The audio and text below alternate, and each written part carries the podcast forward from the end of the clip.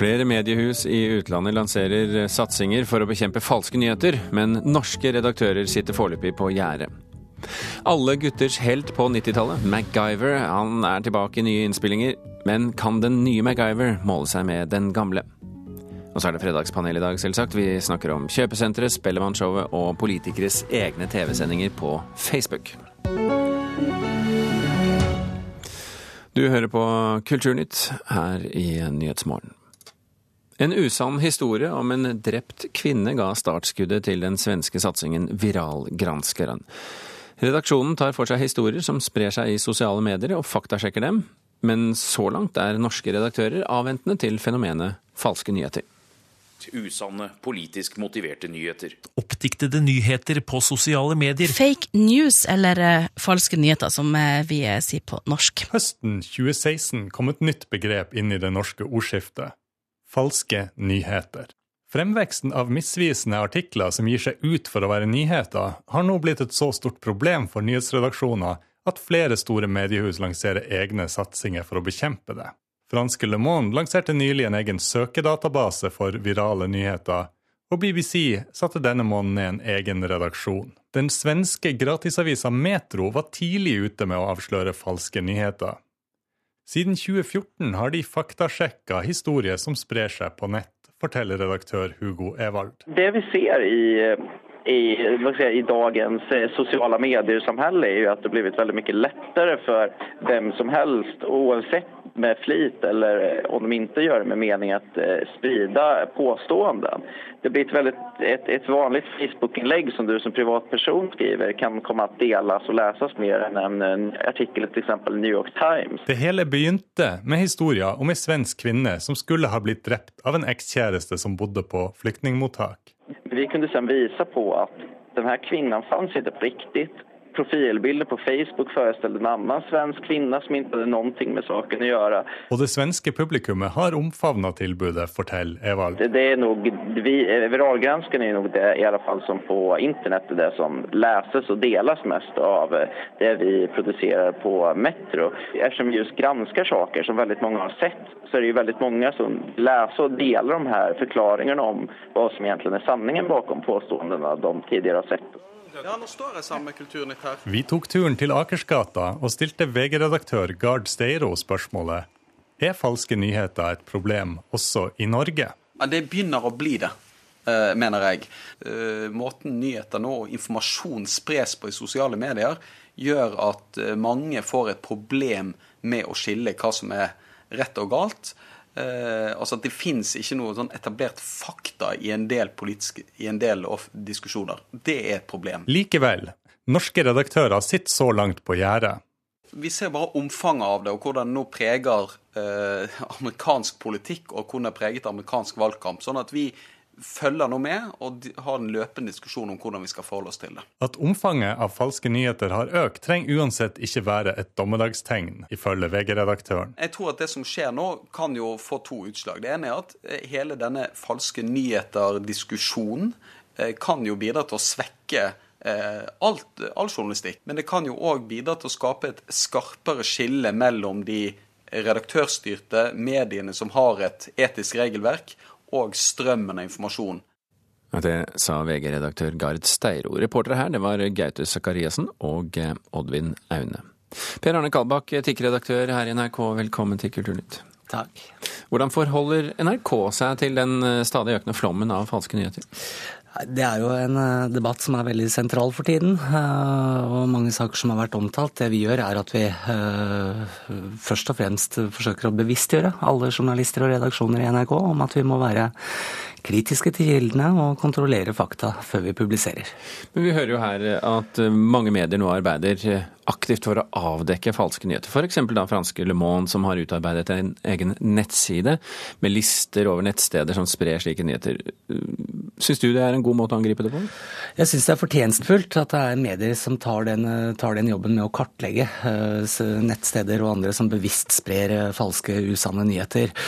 Eh, og ikke minst at det finnes finnes faktasjekkere som viralgransker en. En god bukett, bukett i USA, BBC begynner med dette, som faktisk da sjekker disse sakene. Men selv er jeg nok litt skeptisk til å lage sånne lister over nettsteder. Altså For det første så er det sånn at disse, disse leverandørene av falske nyheter de popper jo opp hele tiden under stadig nye navn. og Jeg ville nok være redd for at hvis vi laget en liste over at her er det falske nyheter, så kunne det fungert som en sovepute, som gjorde at journalistene tenkte at vel, denne kilden står ikke på lista, så da er det greit. Så jeg har mer tro på at vi faktisk må ta jobben med å faktasjekke, ettergå kildene i, i hver enkelt sak. Men vi hører jo stadig vekk anklager om uh, tradisjonelle medier som sprer uh, falske nyheter. Uh, det spesi litt spesielle eksempelet er jo Donald Trump som går løs på CNN, selvfølgelig.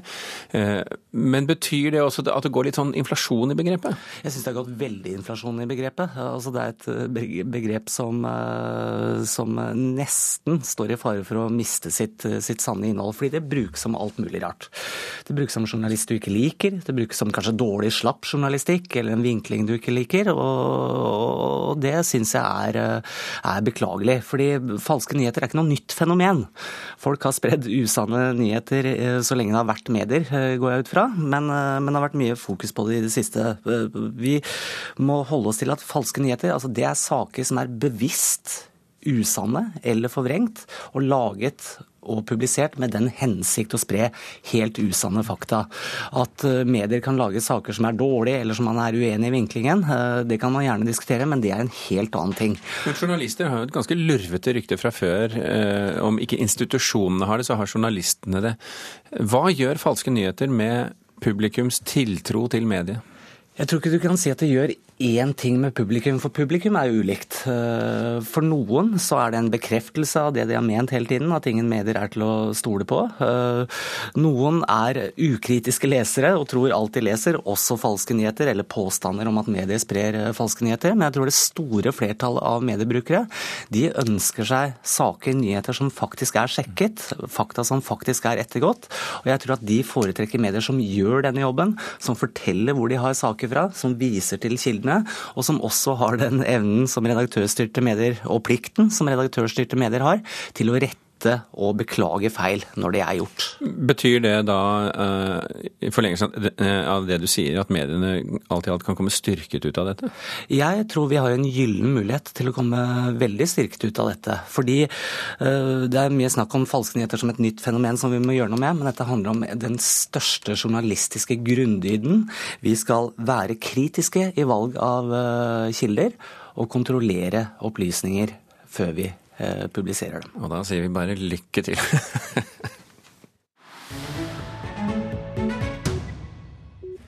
Vi har eh, fått reporter Gaute Sakariassen inn i studio for å orientere litt om hva eh, avisenes kulturseksjoner skriver i dag.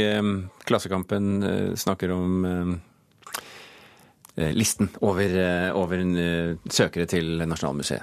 Det stemmer.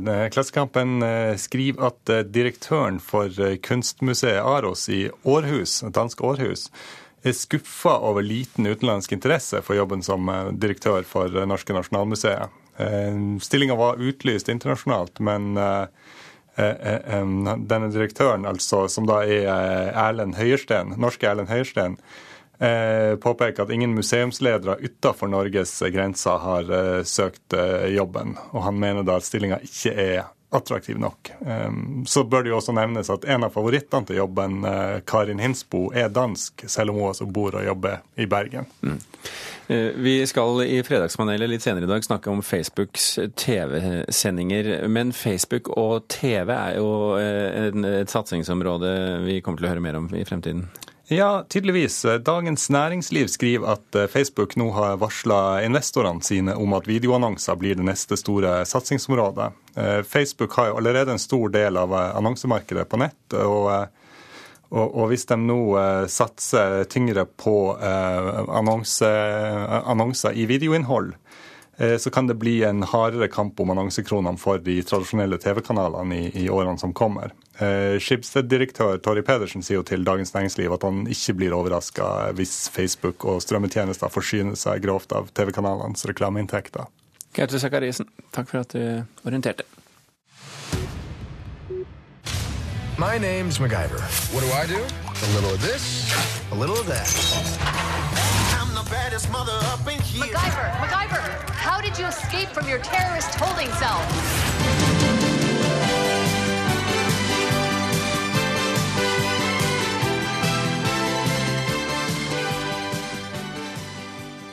Ja, Dette er kjente toner for mange, kanskje særlig for oss gutter eh, som vokste opp på 80- og 90-tallet. Vi snakker om MacGyver, helten som fanget kriminelle og terrorister ved hjelp av litt eh, hyssing, en ståltråd, kanskje litt grus. Nå er han tilbake på skjermen i en moderne og yngre utgave, og TV-serieanmelder Sigurd Vik i Filmpolitiet. Kan du først forklare hva det er som gjør at så mange av oss husker MacGyver så godt? Eh, personlig så var jeg jo akkurat i den rette alderen at jeg fikk lov til å sitte opp med godteriskåla på, på starten av 90-tallet og se der, så det ble jo den store helge-action-serien. Men det er jo, eh, spisskompetansen til MacGyver som er den store fascineringa. Han var eh, moralsk god, han var eh, pedagogisk riktig og brukte skolefag, naturfag, da, for å løse sine oppgaver, og, og gjorde det på en måte som både fenga og fascinerte. Så sjøl om kanskje serien hadde sine svakheter også, som en 80- og 90-talls actionserie, så hadde den så store styrker og så uh, distinkte tegn da, at det her funka. så var jo Richard Dean Anderson som spilte MacGyver en uh, kjekk og lun og karismatisk hovedrolleinnehaver. Denne mm, naturfag-speidergutt-mentaliteten fra den originale, originale serien, eh, er den med på samme måte i den nye? Å nei da. Altså, Den er med som en gimmick, og lommekniven er produktplassert i omtrent første scene. og Skinnjakka er på plass, og den prøver å ta med seg en, en del av denne ru-stilen. Men problemet er at det blir aldri noe mer enn en gimmick. Dette er ikke fysikkeksperiment og kjemieksperiment som, som fenger, og som har den der uh, pirre nysgjerrigheten og, og, god rot i fysikkboka. Så det er liksom bare litt her, litt der, og så en voiceover som forteller oss hva som skjer. Et forstørrelsesglass mot uh, noe ammunisjonslager, det kommer til å eksplodere. Så, det, det, er så enkelt, det er så lettvint. Jeg kosa jo meg når MacGyver virkelig fikk meg til å tenke og være med på eksperimentet med den nye serien her. Å nei da. Hva er da igjen av MacGyver? Eh, bortsett fra skinnjakka og en litt sånn skamløs utnyttelse av et godt navn og rykte, så er det jo veldig lite som er igjen her. Det her er en av de der skivebom-gjenopplivingene, hvis du spør meg, som er basert på at man har en sterk merkevare som man ønsker å utnytte, og så vet ikke jeg hva som har gått galt på veien, men mye har gått galt på veien, og så ender man opp med en uh, søtsuppe som verken eh, gir meg nostalgi eller har bein å stå på, på, eller egenverdi, egentlig. Så hvorfor gjør de det, da? Det er vel rett og slett slett, og der må vi eh, seriefolk ta litt skyld, vi som skriver om det. og Det er jo såpass mye oppmerksomhet rundt det, og et såpass stort marked for det, at til og med når det er dårlig, så blir det jo kjøpt opp her i Norge og sendt på TV, og vi snakker om det på radio, og det er klart, det har jo såpass sterke føtter, og det er klart, i et år hvor jeg tror det kan faktisk hende at vi runder 500 manusbaserte TV-serier fra USA i 2017, det, det snakkes om det, og da er jo kampen om oppmerksomheten enorm, så det å da få noen nettverk ty til litt gamle helter og nostalgistoff, som mm. veldig mange gjør nå. Ja. Sigurd Vik, jeg får veldig lyst til å slutte å snakke om dette. Og siden det er jeg som bestemmer, så gjør vi det. Helt greit. Klokken har passert 16 eh, minutter over åtte. Du hører på Kulturnytt, og dette er toppsakene i Nyhetsmorgen nå. Kreftforeningen vil ha gratis, eh, gratis røykeplaster og røyketyggis for å få folk til å stumpe røyken. Helseminister Bent Høie vil heller satse på andre tiltak. USA endrer sin omtale av omstridte israelske bosettinger på Vestbredden. Nye bosettinger hjelper ikke fredsprosessen, sier Det hvite hus nå. Og unge nordmenn er eh, mindre redd for å bli erstattet av roboter enn unge arbeidstakere ellers i verden. Det viser en ny internasjonal undersøkelse. Og da har eh, klokken eh, kommet dit på en fredagsmorgen at vi har fått studio fullt av et fredagspanel. I dag bestående av eh, Carl Fredrik Tangen, samfunnsgeograf og høyskolelektor ved Oslo markedshøgskole, Nina Kristiansen, redaktør i forskning.no, og Kjersti Løken Stavrum, administrerende direktør i stiftelsen Tinius. Velkommen alle sammen. Takk. Takk, takk. Vi hopper rett på første spørsmål. Kjøpesenterkjedene snakket vi mye om denne uken. De beskyldes for å ha ødelagt folkelivet i norske kommuner og tettsteder. Kritikken kom denne uken i forfatter Ronny Spahns bok 'Kjøpesenterlandet planlaus norsk stadsutvikling'. Norge er på europatoppen i kjøpesentertetthet, og utbygger Olav Thon-gruppen mener politikerne må stille strengere krav til eh, kommunene om plassering og utforming. Og her kommer da første spørsmål endelig. Bør staten gripe inn og ordne opp? Carl Fredrik. Ja. Nei. Nei. Hvorfor sier du ja, Carl Fredrik? Fordi at uh, alternativet er jo gjerne at kanskje at uh, kommunene skal ordne opp, eller utbyggerne skal ordne opp. Og utbyggerne er liksom pokka nødt til å tenke på de økonomiske uh, interessene. Og så er markedets lov det er litt sånn at du har lov til å være borger og enspora kapitalist på altså, du, du, har lov til å være forbruker eller enspora kapitalist på bekostning av å være langsiktig borger. Altså Langsiktig borgerskap det er litt sånn politikkens uh, jobb. Sånn at uh, hvis det virkelig er sånn behov i samfunnet for at det skal være noe annerledes med måten som det bygges uh, ut på, så tror jeg det bør ligge på nasjonalt nivå. En av grunnene til det er jo at kommunene settes opp imot hverandre. Så det er så vanskelig å si nei til Ton når du vil ha kjøpesenter i din kommune. For ellers så går den og lager noe fælt i nabokommunen i stedet. Nei, jeg mener at eh, hvis ikke lokalpolitikerne kan drive med næringspolitikk, så begynner vi bare Eller da vil vi ta en stor og viktig del fra det lokale selvdømmemulighetene. Men, men det er jo helt riktig at kjøpesentrene har ødelagt sentrum eh, i mange tettsteder, det, men de har flyttet folkelivet. Men, men skal man bare la det surre og gå, da? Nei, altså, Ja, men man må jo diskutere dette. Man må jo, man må jo problematisere det. Da. Ikke minst må jo folk som bor der hvor det diskuteres kjøpesentre, de må delta i den diskusjonen og tenke etter om de har lyst på tomme butikklokaler i sentrum, eh, og om de har lyst til at alle skal dras ut, av, ut av, fra sentrum til et kjøpesenter. Ina. Jeg mener vel også det at det er kommunenes ansvar, og det kommunepolitikerne har gjort, er jo ikke ingenting. Ikke sant? De har jo bare latt disse svære paddene vokse opp utafor byen. Men jeg får litt sånn vond smak i munnen av denne debatten, for jeg syns den er litt sånn snobbete, egentlig. Jeg tenker at Det handler jo ikke om utbyggere og kommunene, det handler om folk. da. Hva er det folk velger i et land som er iskaldt ofte, eller regner? Så er det veldig smart å gå et sted under tak hvor alle ting er samla på ett sted. Det er det folk velger. Og for barnefamilier er jo shoppingsenteret helt genialt. ikke sant? Du slipper opp og ned av fortauskanter og sånne ting. Men Så- bare, bare, for å påpeke dette, altså Ronny Spahns i denne boken sier ikke at det er noe galt med kjøpesenteret som sådan. Neida. Ikke sant? Han, det er jo mange han- som får terningkast seks og alt det der. Så, Ja, så det men at det er et eller annet sånn der, at små, handlegata med småbutikkene, det er det vi ønsker oss. Men der er vi ikke. Vi går på kjøpesenteret, og så blir det noe feil. Men, men jeg mener at kommunene har jo bare latt det skje, og det er de som må ta ansvar og, og reparere sine egne sentrum etter den der paddeutbygginga de har drevet med i veldig mange år. Mm. Det er kanskje den eneste fordelen med alle disse kommunesammenslåingene. At det får så store kommuner at de kan drive helhetlig kjøpesenterpolitikk. Kanskje faktisk få et sentrum som fungerer? Tror du på det? Så En av kjøpesentrenes eh, fordeler er jo at det kan tenkes med kjøpesenter. Altså At de kan eh, sponse Vinmonopolet kan sponse henne som Maurits så det som folk vil ha. Og så kommer Nille og Kubus løpende og er villige til å betale mye husleie. Men kanskje den konkurransen mellom forskjellige gårdeiere og sånn så Det er sikkert noen fordeler ved det, men det kan også være problematisk. For altså Byene, sentrum, kan ikke tenke helhetlig. Mens eh, kjøpesentrene kan det. Det tror jeg er noe av ja, grunnen til den det er ikke helt riktig, for du har handelsstandsforeninger overalt, men det er litt mer komplisert.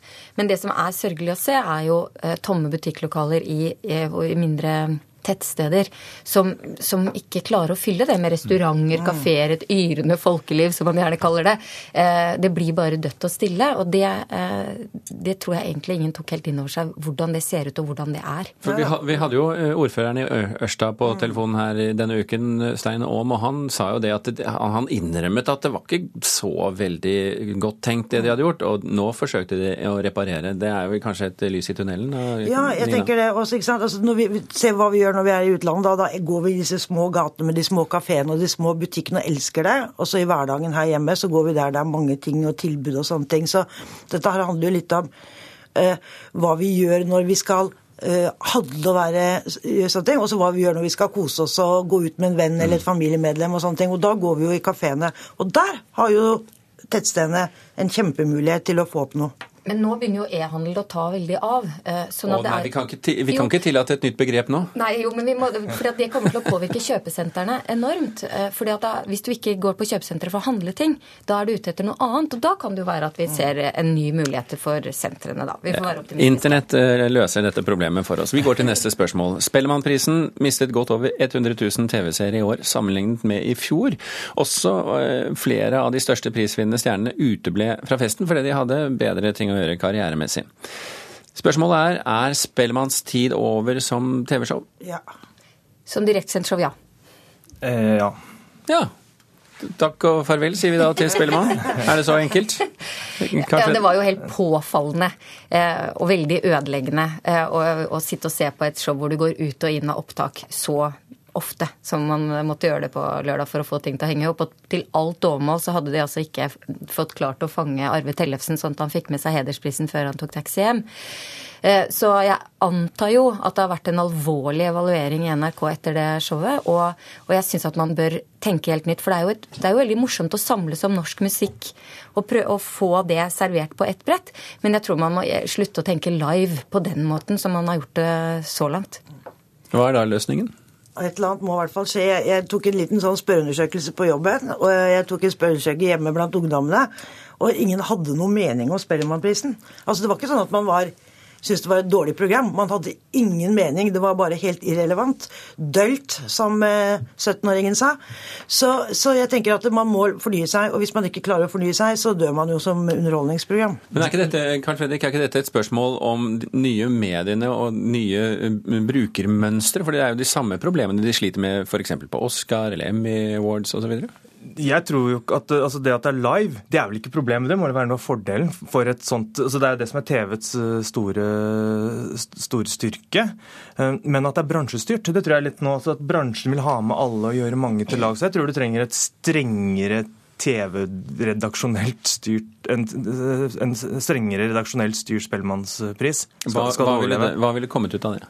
Det vil komme ut at de la enda mer til side sånn kvalitetskrav knytta til sånn nyskap, nyskapende musikk og flinke utøvere og sånn. Og så la de sånn, at det var Marcus og Martinus mye, mye mer eh, for mye, mer, mye mer pop, mye mer kjendis? Ja, altså jeg tror Programmet ville vært like forferdelig for meg, men jeg tror kanskje at det ville det, det, Så det, det, ville hatt mye større potensial. Så jeg, jeg, jeg tror ikke Altså, direktesendt ting hvor det skjer noe, og noen kjendiser får priser og sånn, det har ikke hatt uh, sin tid. Nei, og så er det et eller annet med det også. Uh, før så samla man hele familien ikke sant, i sofaen foran NRK og så på disse store showa som skulle underholde oss, hele familien fra ung til gammel.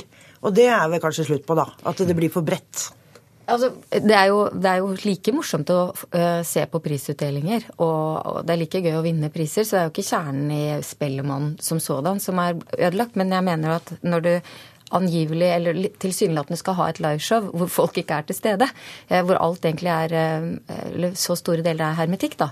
Så, så, så tror jeg det er lurt å tenke helt annerledes. De uh, gjør nok sine tanker uansett, disse som holder på med dette. Så la dette være innspill i, til dem på veien. Vi går til neste spørsmål.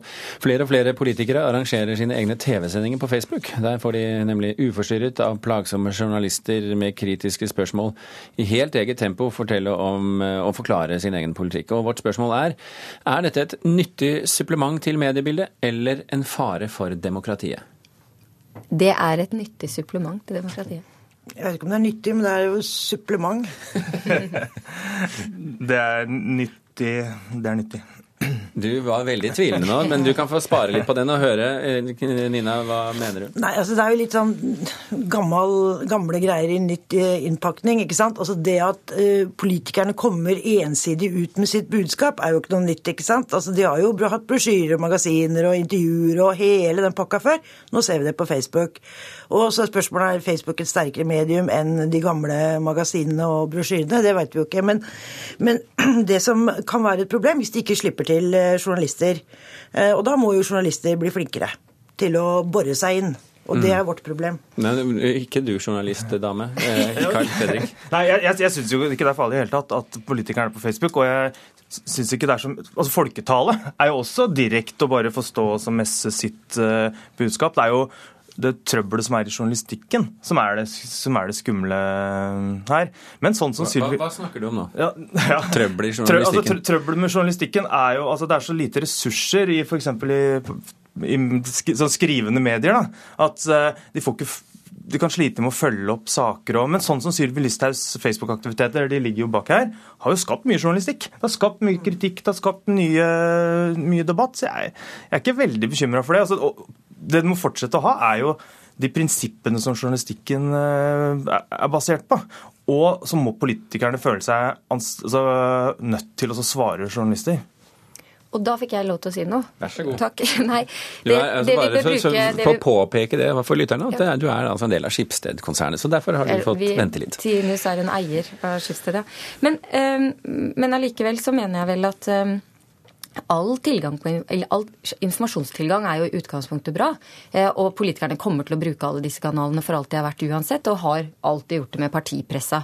Eh, så det vi bør bruke krefter på, er jo å, å, være, å, diskutere hvordan journalistikken da får gjort sin oppgave. For dette er jo politisk reklame. Eh, alle er nødt til å være klar over det. Alle er nødt til å møte det med skepsis og være litt årvåken overfor hvilke spørsmål er det politikerne ikke vil svare på, eller prøver å unndra seg. For det er det skumle her. Hvis de heller sitter og snakker rett i Facebook-kamera eh, og unndrar seg f.eks. radiostudio, eh, intervjuer og den type ting, det, da er det ikke nyttig lenger. Da er det bare farlig. Ja, også jeg tenker at det er eh, altså profesjonell kommunikasjon, da er ikke farlig i seg sjøl, så lenge du har eh, noen der ute som stiller spørsmål. Og så er det sånn, Blir den så profesjonell at, folk, at leserne ikke skjønner det, eller lytterne ikke skjønner det, så er det jo igjen da, vi som står på, i pressen som må si noe. Se på klokka, du har kort tid. og så er jo Facebook er for store partier, men det er for små partier òg. Altså, Rødt får liksom breia seg i, i Facebook. Og det er, jo ikke én politiker som får prate, det er politikere som prater mot hverandre. Og, så jeg syns konflikter kommer jo også fram der. Det blir ikke en monoton stemme. Men det blir stopp. Og den stoppen kommer her. Carl eh, Fredrik eh, Tangen, eh, takk for at du var med. Nina Kristiansen og Kjersti Løkenstad.